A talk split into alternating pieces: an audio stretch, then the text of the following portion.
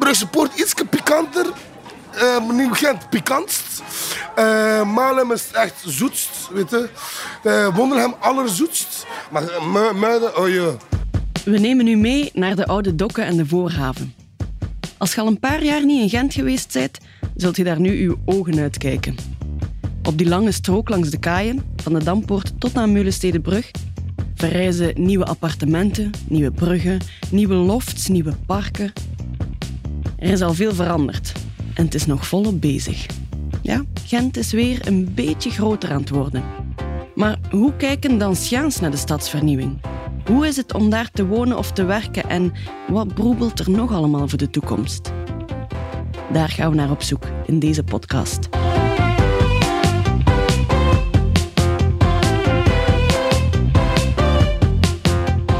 Even inzoomen op de Muiden en Meulensteden.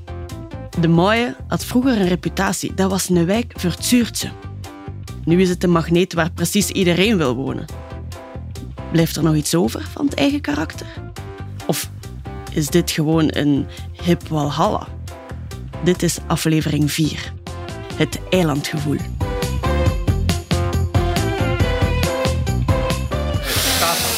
Daar is niks te vergelijken met een andere geur, ik zweer het echt waar. Ik heb drie, uh, drie jaar aan de kust gewoond. Iedere keer dat ik terugkwam van de kust naar Gent, ik smaakte die geur. I tasted it and I liked it. De Gent heeft niet, geen andere lijfgeur gelijk Gent bestaat niet. En Muiden is een speciale geur. Dat zijn die vrouwengeur, die mannengeur, jonge geur, oud geur. Dus alle soorten geuren. En vooral tussen Jean-Paul Gaultier geur. Oh ja. Er is geen betere plaats om de pieren uit iedereen zijn neus te gaan halen dan de rommelmarkt van de Muidenfeesten. Misschien de grootste en zeker de langste van heel Gent. Van de Muidenbrug tot diep in Meulenstee zitten bewoners voor hun deur met hun oude bierglazen, schilderijtjes van wenende clowns en Nokia gsm-laders van 15 jaar geleden. Het is een moment waarop iedereen stoelen buiten zet in het zonneke en vrienden uitnodigt die anders nooit de Muidenbrug overkomen. We laten onze micro aanstaan en stellen aan iedereen dezelfde vraag. Het eilandgevoel. Bestaat dat of is het maar fantasie? Ik denk dat dat mm, misschien een beetje een fabelken is, maar wel een goed sprookje. Ik denk dat het wel te maken heeft ook met het feit dat we volledig omgeven zijn door water. En dat, de, allee, dat echt dat eiland is en dat je niet verder kunt. Ik denk dat dat er echt wel uh, aan bijdraagt, aan dat gevoel. Het blijft natuurlijk wel ergens een psychologische grens, zo, dat, dat Neuzenplein en daar aan de Voormuiden. Ja, om, om de sleepstraat uit te gaan en tot hier te komen, dat is wel al, dan moet je echt al moeite doen hè, met je fietsje. Dus voor veel mensen is dat hier gewoon niet gekend. En daarom blijft er daar wel ergens een soort van mythisch beeld rond bestaan. Maar eigenlijk is dat gedaan. Maar uh, ja, het blijft wel een speciale plaats. Hè. Het is nog altijd wel in de haven. Het is echt een eiland. Als de Muidenbrug kapot is, wat dan niet zoveel gebeurt, maar de Meulenstedenbrug is heel vaak kapot. Uh, dan, ja, dan, dan zitten hier effectief vast en dan, dan is dat hier echt een eiland. Ah, Meulenstedenbrug. De schiftingsvraag voor een quiz tijdens de Muidenfeesten was hoeveel dagen is de brug naar Wondelgem buiten dienst geweest in de voorbije vijf jaar? Het antwoord was 312. Ja, omringd zijn door water, dat maakt al een duidelijk verschil met de rest van Gent. Dat is wel, als ik uh, eh, s'nachts wakker word, dan uh, hoor ik zo die geluiden van de haven. Vaak, vaak zitten ze met kranen dat ze een, een boot leegmaken en dan laat ze pakken ze zo grind of graan of zoiets en dan gaat zo... En ook de geur van de gelatinefabriek of van uh, maniok. Als ze een maniokboot la, uh, lossen, dan uh, is er overal stof. Maar dat geeft zo van die geuren en geluiden. En dat, voor mij is dat ondertussen heel rustgevend. Maar dan, en zo op de Facebookgroep... Salut, hè? Merci, hè? op de Facebookgroep heb je dan zo van die mensen die hier nieuw komen wonen en dan beginnen die te klagen over dat de boot nul de motors laten aanstaan s'nachts, dat de handstijd geeft of uh, dat dat te veel fijn stof geeft. ja, dat is zo van, je komt dan in de haven wonen en begint te klagen over de boten. Maar voor mij is juist dat eigenlijk iets dat mij zeer, uh, zeer veel rust geeft. Zo.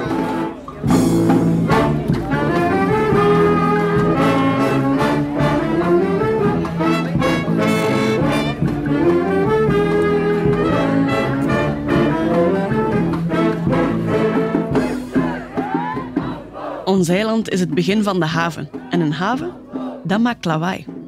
De grootste industrie is ondertussen opgeschoven naar het noorden, maar er zijn toch nog altijd overblijvers. Iedereen zegt dat we zeker eens moeten gaan babbelen met Freddy Ketels. Jarenlang was hij de chef van Werkhuizen Ketels, een hersteller van boten en verkoper van dieselmotoren. Zijn neef heeft ondertussen overgenomen en hij zelf is met pensioen, maar het is toch nog altijd in zijn vertrouwde loods 26 dat we hem vinden. Oh, ik kan dat niet loslaten, nog niet 100 procent. Nee. Ik loop hier nog graag rond. Ik zie graag wat ze doen. Moei mij niet meer, hè. Dus, uh, dat, dat, ga ik zeker niet doen, maar ik loop nog graag rond. Ze weten dat hier wel. Kijk, hier zijn we een stelling aan van een, van een bluts. Een boot die ergens tegengevallen is, zijn ze nu aan.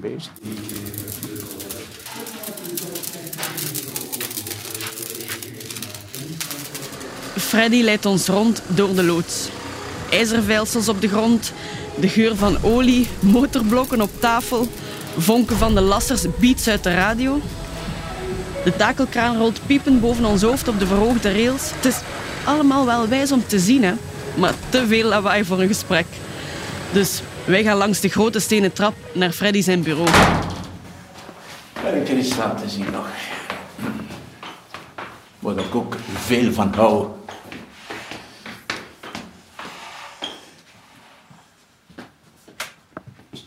Kijk, dat is mijn vader. Dat is mijn neef. Die is vorig jaar gestorven aan, aan 96 jaar. Dat was zijn oudste broer. Eh, nee, dat was zijn oudste broer. Dan kwam het in dienen. Dat was mijn vader en dan was het deze. Ze zijn allemaal dood nu momenteel. Mijn vader was de middelste, dat was de baas, ja. 19 maart 45. Op de foto aan de muur staan de stichters van Werkhuizen Ketels. Florimond, de vader van Freddy, is in 1945 begonnen in de Patrijsstraat, in de loods waar vandaag de buurtwerkers van de Muiden zitten. In 1982 is Freddy verhuisd naar de Voorhaven, waar een andere scheepshersteller failliet gegaan was. Eerst was dat nog een bescheiden atelier, maar gaandeweg heeft hij er de andere stukken van lood 26 kunnen bijkopen. Hij gaat zitten in zijn gestoffeerde zetel aan zijn schoon bureau met zicht op modelbouwschepen en een groot scheepsroer aan de muur. We voelen ons een beetje op officiële audiëntie bij een mens die veel meer betekend heeft voor de wijk dan enkel boten en dieselmotoren. Ik ben op Meulensteen geboren. Ik ben zelfs in thuis geboren, maar mijn papa wou niet hebben dat mijn moeder naar de kliniek ging. Uh, hij moest geen kind van een ander hebben, zei hij altijd. Hij, daar kan het over vertellen. Dus ik ben geboren hier op de Steenweg. Heb mijn, ja, mijn eerste communie gedaan, mijn plechtige gedaan, mijn jeugd uitgebracht. Want als ik jong was, ik kan nog iets zeggen dat misschien niet mooi is. Maar als ik jong was, die wij niet zeggen dat wij van de muiden waren. Als wij zo met meisjes praten of gelijk wat, bij die we niet zeggen. Want de muiden had eigenlijk niet zo'n goede naam. Wij zijn altijd, we zijn van Beulensteen. Nochtans, ik heb ook veel op de Muiden gefrequenteerd, waar we hadden veel vriendinnen en vrienden mee op de Muiden. Mijn hart ligt wel op Muidensteen. Ze hebben mij ook gevraagd voor deken te worden van de, van de wijk. Ik had dat eerst geweigerd, omdat ik zeg, ja, ik heb mijn zaak, ik heb daar niet zoveel tijd voor, maar ik, heb het toch laten overhalen. En eerlijk gezegd, ik ben zeer tevreden dat ik dat aanvaard heb. Ik heb zeer veel mensen leren kennen. Uh, daarom dat ze zeggen, moet zeker met Freddy Kids gaan babbelen ik heb mensen die zeggen dat is de burgemeester van Meulensteen. Dat is niet waar, maar eh, Meulensteen zit in mijn hart. Eh, dat kan niet anders. Voor wie niet van Gent is, Meulenstede is de bovenkant van het eiland, de Muiden is de onderkant. Meulensteen was chic volk, de Muiden was voor de arbeiders. Vandaag voelt je dat minder, maar in de jaren 40 en 50 speelde dat nog vol een bak. En dat is wanneer Freddy opgroeide. Hij heeft dus alles meegemaakt. De tijd dat de kranen aan de voorhaven aan het laden en lossen waren. De tijd dat de dokwerkers staakten om één frank per dag te verdienen. En ook de tijd van de grote leegloop, vanaf de jaren 70. Stad Gent heeft dat ook altijd, die buurten altijd laten verloederen. Ze hebben er eigenlijk nooit iets aan gedaan. Als, als Meulens iets ging gaan vragen naar de stad, wie die woont, die deur was altijd dicht. Nu niet meer. Ik spreek dan 20, 30 jaar geleden. Ik, spreek van 75, de, die ontteining die ze daar gedaan hebben. Nou, ze hebben Meulens eigenlijk kapot gemaakt. Hè. Je moet dat zo zien. Kapot gemaakt. Er moest wel iets anders komen. Hè. Je kunt die oude gebouwen ook allemaal niet laten bestaan. Uh, daar gaat het hem niet over. Maar dat was hier al toch een schoon bedrijvigheid. Ik herinner me toch van mijn jeugd. Dat dat hier, Meulensteen, dat leefde wel. Hè. Winkels, wij moesten naar de stad niet gaan om een schone schoen te kopen. Hè. Dat kon wel op Meulensteen kopen. Hè. Een, een, koffiehuis. Uh, wij hadden de beste, de beste koffies hier op Meulensteen. Ik zeg maar niet. Beenhouwerij, er, hoeveel waren er niet op Meulensteen? Een stuk of vier. Wie hebben we nog vandaag? Nul, niks. Ja, die mensen verdwijnen als, als, als duizend afgebroken worden. Het jaar 2000, duizend gingen geen geld. Wij hadden een neerhuis, nee, mijn ouders hadden een neerhuis hier op de Steenweg. Dus die zijn gestorven. Uh, 95 en, en met papa iets later. Wij kregen ons huis niet kwijt. Wij hebben dat geld eigenlijk aan verloren. Een huis dat vroeger 100.000 Belgische frank ging, dat gaf vandaag aan een veelvoud daarvan. En dan niet in franken, hè, maar in euro's. Daar heeft hij geen probleem mee, zolang de wijk maar weer tot leven komt. Het eiland waar hij van spreekt, niemand kwam daar. Duizen gingen geen geld. En dat is eigenlijk de toekomstmuziek geweest. De jongere mensen, de stad en al, eh, konden niet kopen, die waren te duur. Die zijn allemaal uh, afgezakt. Stelkens aan de Meulensteen. Als je ziet wat jong volk dat er op Meulensteen zit. Prachtig is dat. Freddy is vergroeid met zijn loods, maar ook met het cultureel centrum. In de jaren stilletjes was dat een lagere school en heeft daar zelf nog gezeten in zijn uh, korte broek. De jongenskoer en de meisjeskoer waren gescheiden. Hij weet zelfs nog de paal staan waar de jongens op straf moesten als ze naar de andere speelplaats hadden geloerd. Ook het patronaat kwam daar samen. Dat is een soort jeugdbeweging, waarvan Freddy hoofdleider was. Er is trouwens geen christelijke vereniging op Meulensteen of hij heeft er ooit in gezeten. Hij was zelfs leider van de misdienaars. Dus de pastoor was nogal uh, gek op mij, op, in de goede zin, niet verkeerd begrijpen. Uh, als er iets was en iets gezegd was, moest ik daar aanwezig zijn. Ik moest de jeugd vertegenwoordigen. En dan stichten ze in de culturele kring op Muidensteden. Ik was 17, 8, bijna 18 jaar en ik zetelde erin. Ik zit er nog altijd in. Dus uh, ik ben touwslid van. Als Freddy Ketels niet voor het oude gebouw geknokt had, dan zou het CC vandaag niet meer staan. Hij heeft armen omgevrongen bij het stad, subsidies binnengerijfd en er zelf extra centen in gestoken om de theaterzaal met de engeltjes aan het plafond te restaureren. Stilaan heeft de nieuwe generatie het daarover genomen.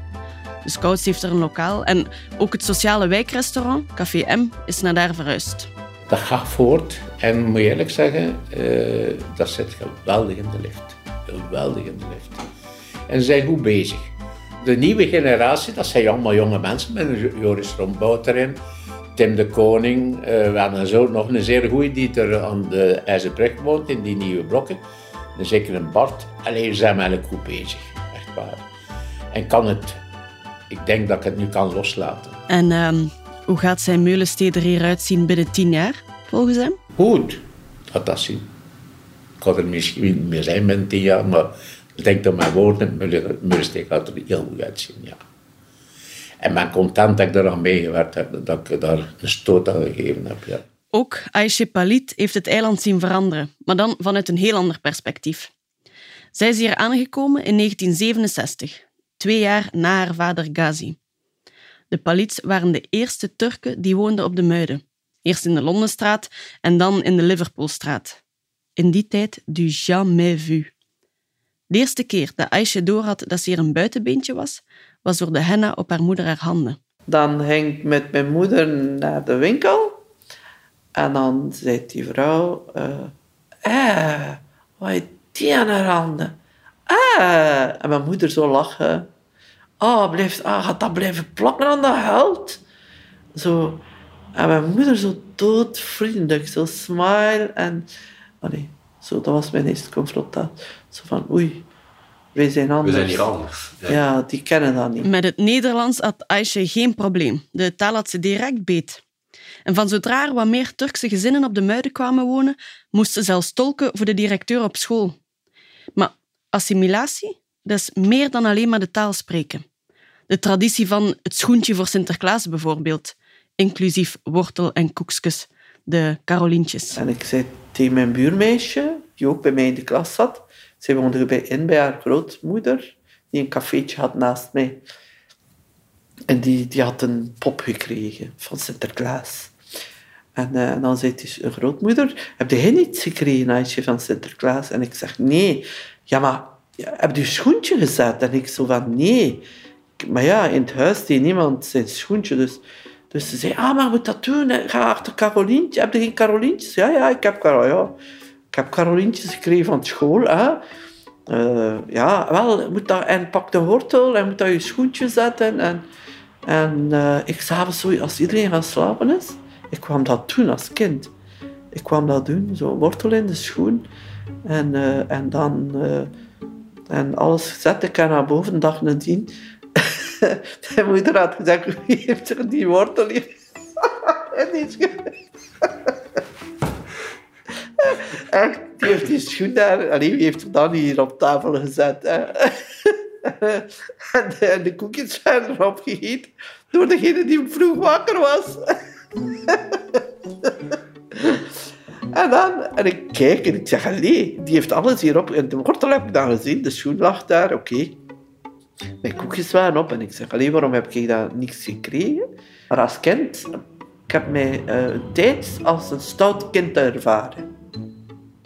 En in school maken ze je bang van, oei, pas op, niet stout zijn. En dan voel je stout en dan denk je, oei, je gaat de piet daar zijn voor mij in een zak te steken. Dus als dat je cultuur niet is, en je ouders doen daar niet aan mee, voor een kind is dat verschrikkelijk. Aisha, haar verhaal is grappig en pijnlijk tegelijk.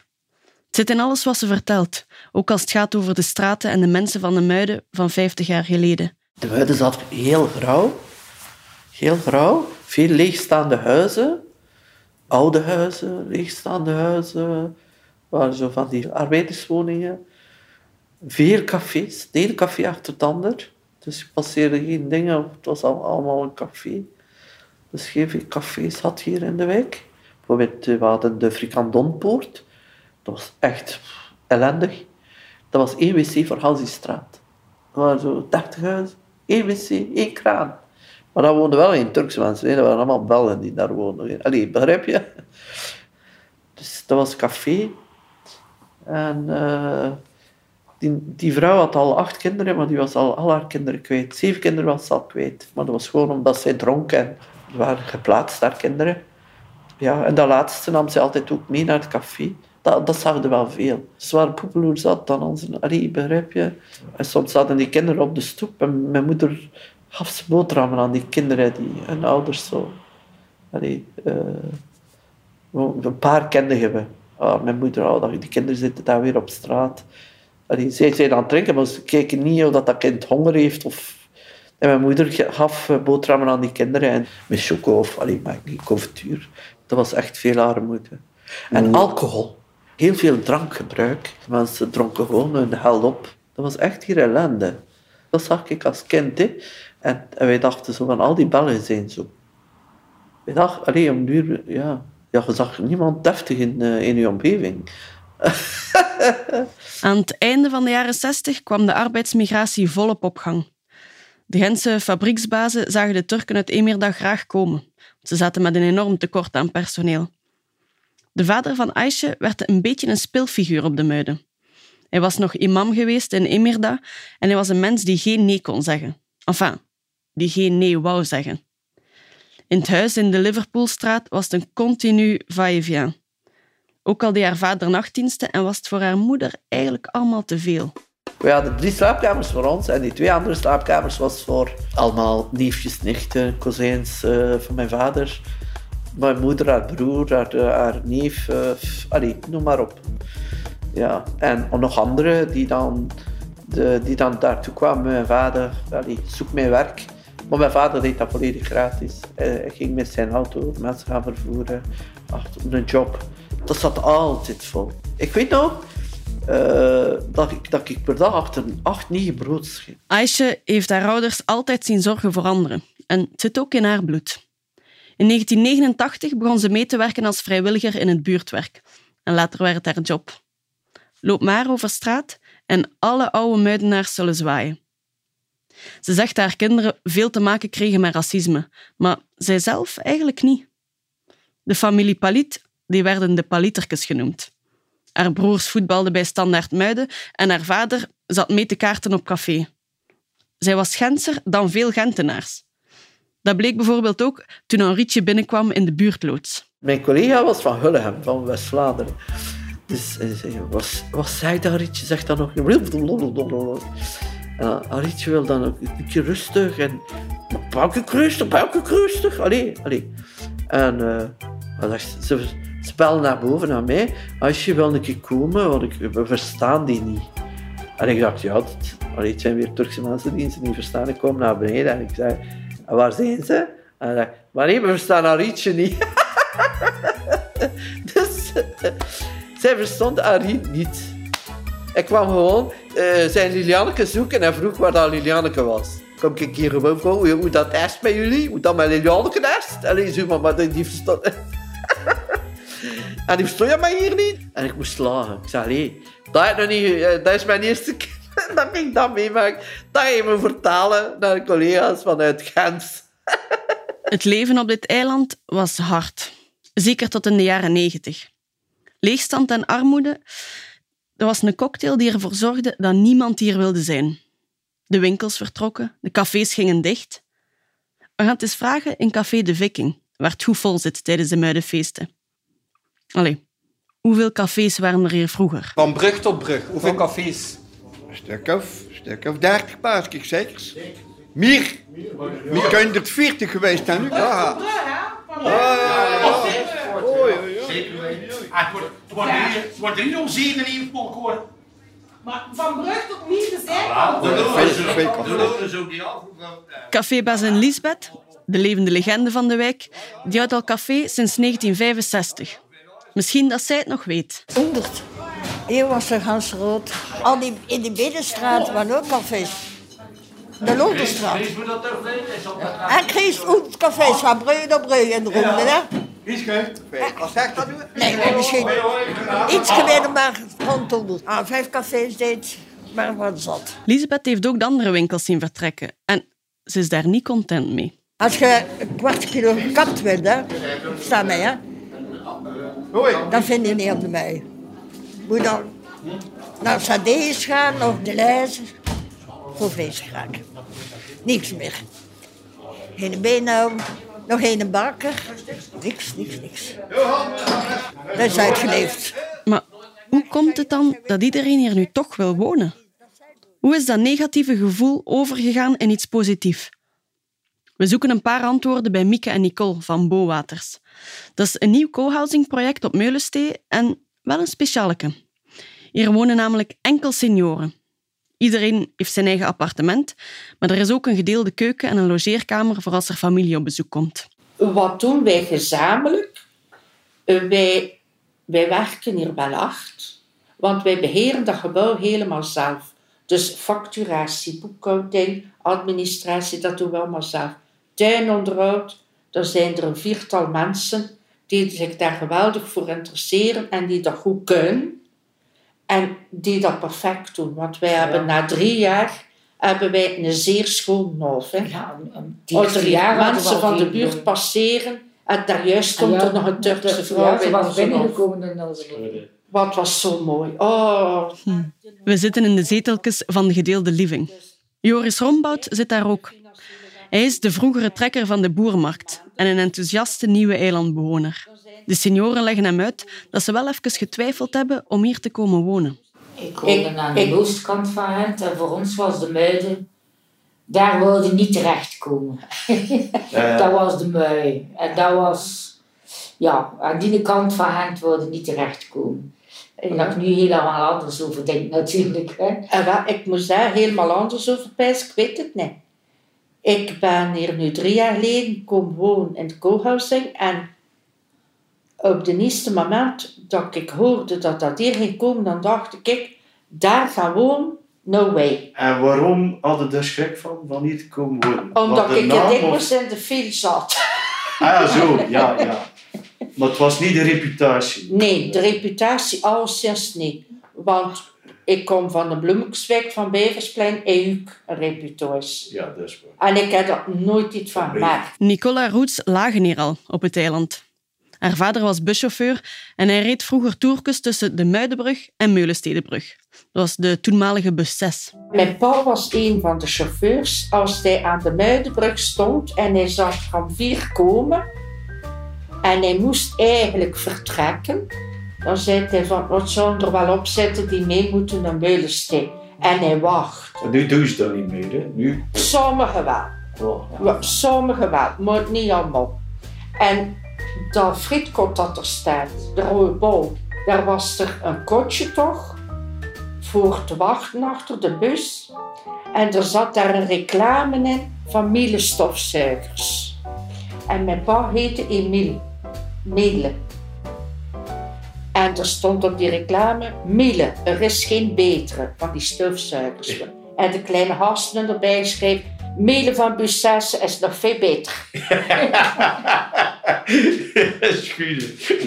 En dat was gewoon omdat dat ze wisten, het is Miele en gewaagd. Bon, tot zover het verleden. Maar hoe ervaren ze het nu? Wat hebben deze twee senioren en de nieuwkomer zien veranderen in de wijk? Wij zijn ook op de Meulensteedse systemen. De muiden worden opgekocht, worden opgekalfaterd. Er komen jonge gezinnen. Ook mensen met migratieachtergrond, maar die ondertussen al de derde, vierde generatie, denk ik. Wat dat er velen wel geïntegreerd zijn, sommigen niet. Maar ja, er zijn ook Vlamingen die niet geïntegreerd zijn. Hè. Toen ik hier kwam wonen, was dat een vergrijsde bevolking. En ja, je ziet dat heel snel veranderen. Dat is, en dat is ook wel leuk. In die zin, ja, een jonge wijk geeft dynamiek, Natuurlijk. animo, dingen worden overgenomen, vernieuwd. Kijk maar ook naar het cultureel centrum hier Ah, op Meulensteen. Die oude generatie is dat aan het overlaten aan jonge mensen. Dan gaan een frisse wind door. hè. Als je dacht dat dat hier een clash ging worden tussen de jeugd en de senioren, vergeet het. Hier trekken ze samen aan de kar. De winkelkar bijvoorbeeld. Iedereen mag dan wel zitten klagen dat er geen beenhouwer of supermarkt meer is op het eiland. Jong en oud lagen wel samen aan de basis van de supermarkade op Meulensteden. Supermarkade, dat is eh, ja, eten, basisproducten. Waar dat er twee prijzen zijn. Voor mensen die echt een zeer laag inkomen hebben. Zeer laag inkomen. Die betalen minder, maar niemand ziet dat. Die hebben een kaart, dat gaat in de, in de kassa. De kassa rekent automatisch uit hoeveel dat zij moeten betalen. De anderen betalen dan een hogere prijs. Maar dat is nog altijd... Allee, ik is ben een zeker niet aan duurder dan dat ik naar de Aldi zou gaan. Maar het zijn basisproducten. Het is niet van... Ik kan daar kiezen uit 20, tw- allee, 25 producten. Het is een concept dat we in de wijk zelf bedacht hebben. Ja. En ik heb zelf naar voorbeelden gekeken in het buitenland, in Londen en zo. Eh, heel wat steden bestaan er ook een soort coöperatieve winkels.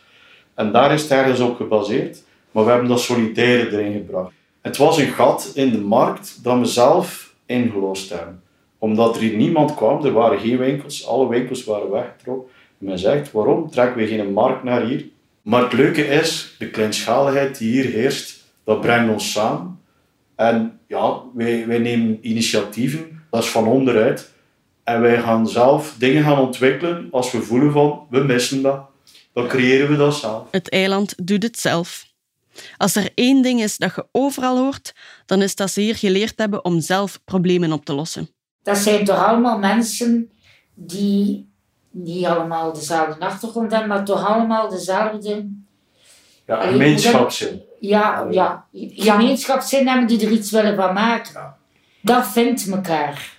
Want je komt niet hier bij ons wonen als je niet toch ergens dat gevoel hebt van ik woon hier niet alleen voor mijn eigen, ik woon hier ook voor, Ja, dan kun, kun je voor een goed, ander. we kunnen even goed in de verkaveling gaan. Ja, ja. Hier komt de woon als je deel wil uitmaken van, Van ja. en van die gemeenschap. Verleden en heden komen daar perfect in samen. Joris vond in het magazijn van Freddy Ketels de laatste reus van de Muiden, die vroeger altijd in optochten gedragen werd. Die traditie is al lang dood, maar nu wordt de reus gerestaureerd in de kerk, onder het goedkeurende oog van Freddy. Tijdens de kermis mocht hij al een eerste keer op straat. Maar het is zeker de bedoeling om hem vaker van stal te halen. En dat is oude folklore, maar die terug tot leven brengt. En ik kan u verzekeren, dat is een van de schoonste dingen dat ik gezien heb. Dat was die reus van stal halen. De kinderen die daarmee meeliepen, ik had dat nog nooit gezien. Dat was fenomenaal. Die stonden verwonderd, die hadden dat ook nog nooit gezien. Ah, die kleine kinderen kennen dat niet. En ja, dat, is, allez, dat raakt u enorm. En daar alleen al voor zou dat doen. Dat is zo schoon. Joris is niet te stoppen over alle initiatieven die hier op het eiland ontstaan. Buut is er ook zo eentje. Dat zijn de deelbootjes voor buurtbewoners. Ja, het zijn allemaal dingen die de stad ondersteunt, maar waarvoor het initiatief echt van onderuit kwam. Nog zo eentje? Standaard Muiden, waar zijn zoon voetbalt. Wat ik zie, toen dat hij begon in die ploeg, die gasten speelden allemaal op wilderij, individueel. He, van, ik, ga de, ik ga Ronaldo worden. Maar die trainer, die haalt dat daaruit en die maakt daar een team van. En je ziet die gasten zo evolueren. En op een bepaald moment beginnen die zich als ploeg te gaan vormen. Mhm. En dan zijn ze vertrokken. En dan gaat dat niet meer over uw achtergrond, dat gaat niet meer over wat komt, van waar komt hij of dit. Nee, dat is één team. Die gasten komen bij, die amuseren zich.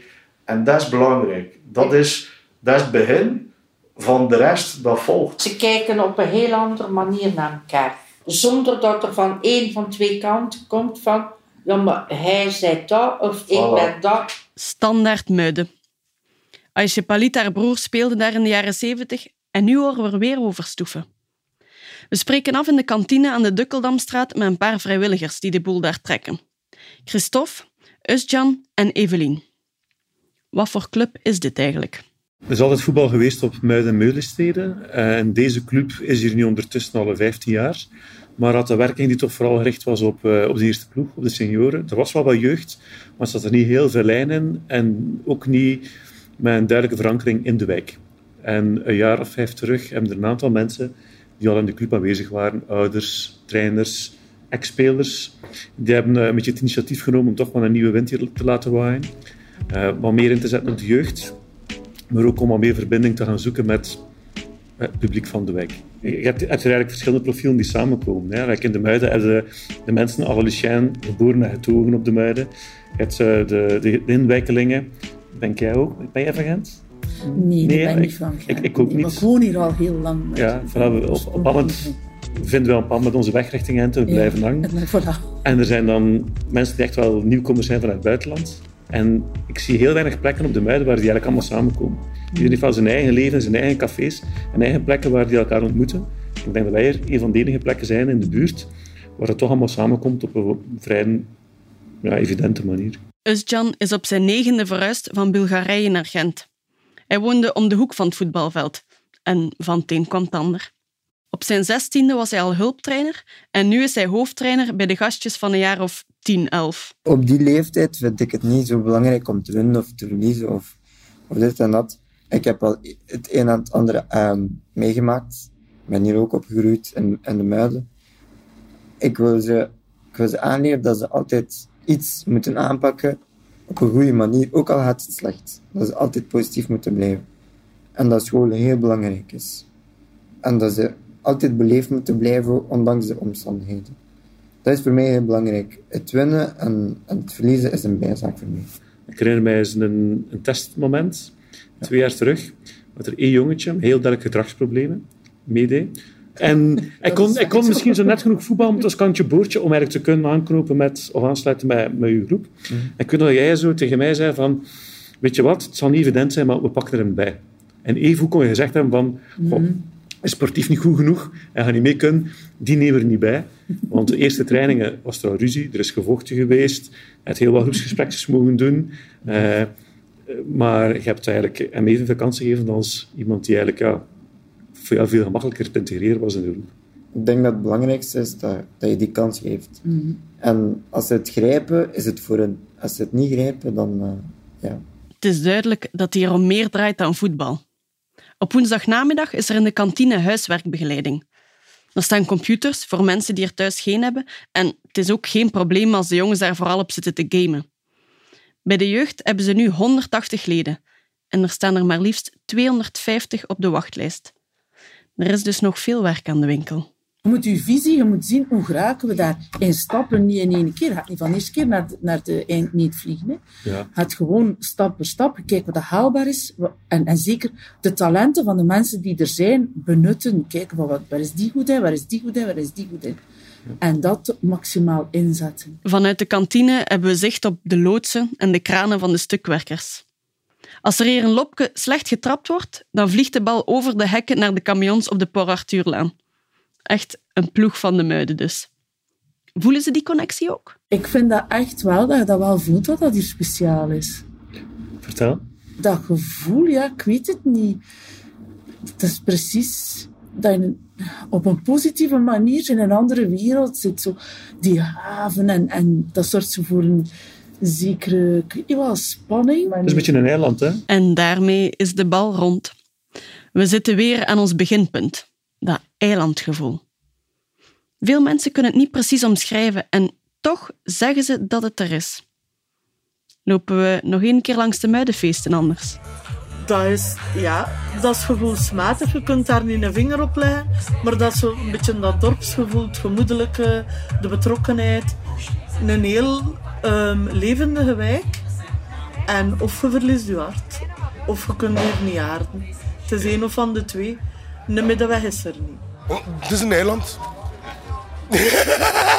Daar is het andere aan. Ehm, ja, in elke buurt, special effect, heb je allemaal uh, andere uh, geuren en smaken. En kleuren.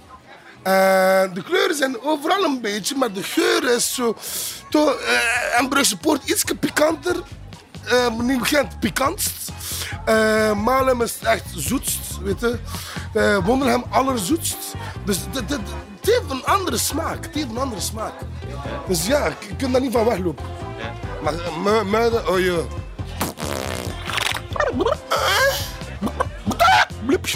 Dit was een podcast van de stad Gent. Met financiële steun van de Europese Unie en de Vlaamse overheid. Oh ja. Productie door Nicolas Marichal en Pieter de Wulf. Met de stem van Gita Parmentier. Alle muziek vind je in de show notes. Zijt je gebeten door de verhalen over de oude dokken en de voorhaven? Blijf dan zitten voor de andere afleveringen. Of ga zelf eens het erfgoed besnuffelen in de nieuwe wijken langs het water. Het Industriemuseum heeft er een gratis plannetje van gemaakt.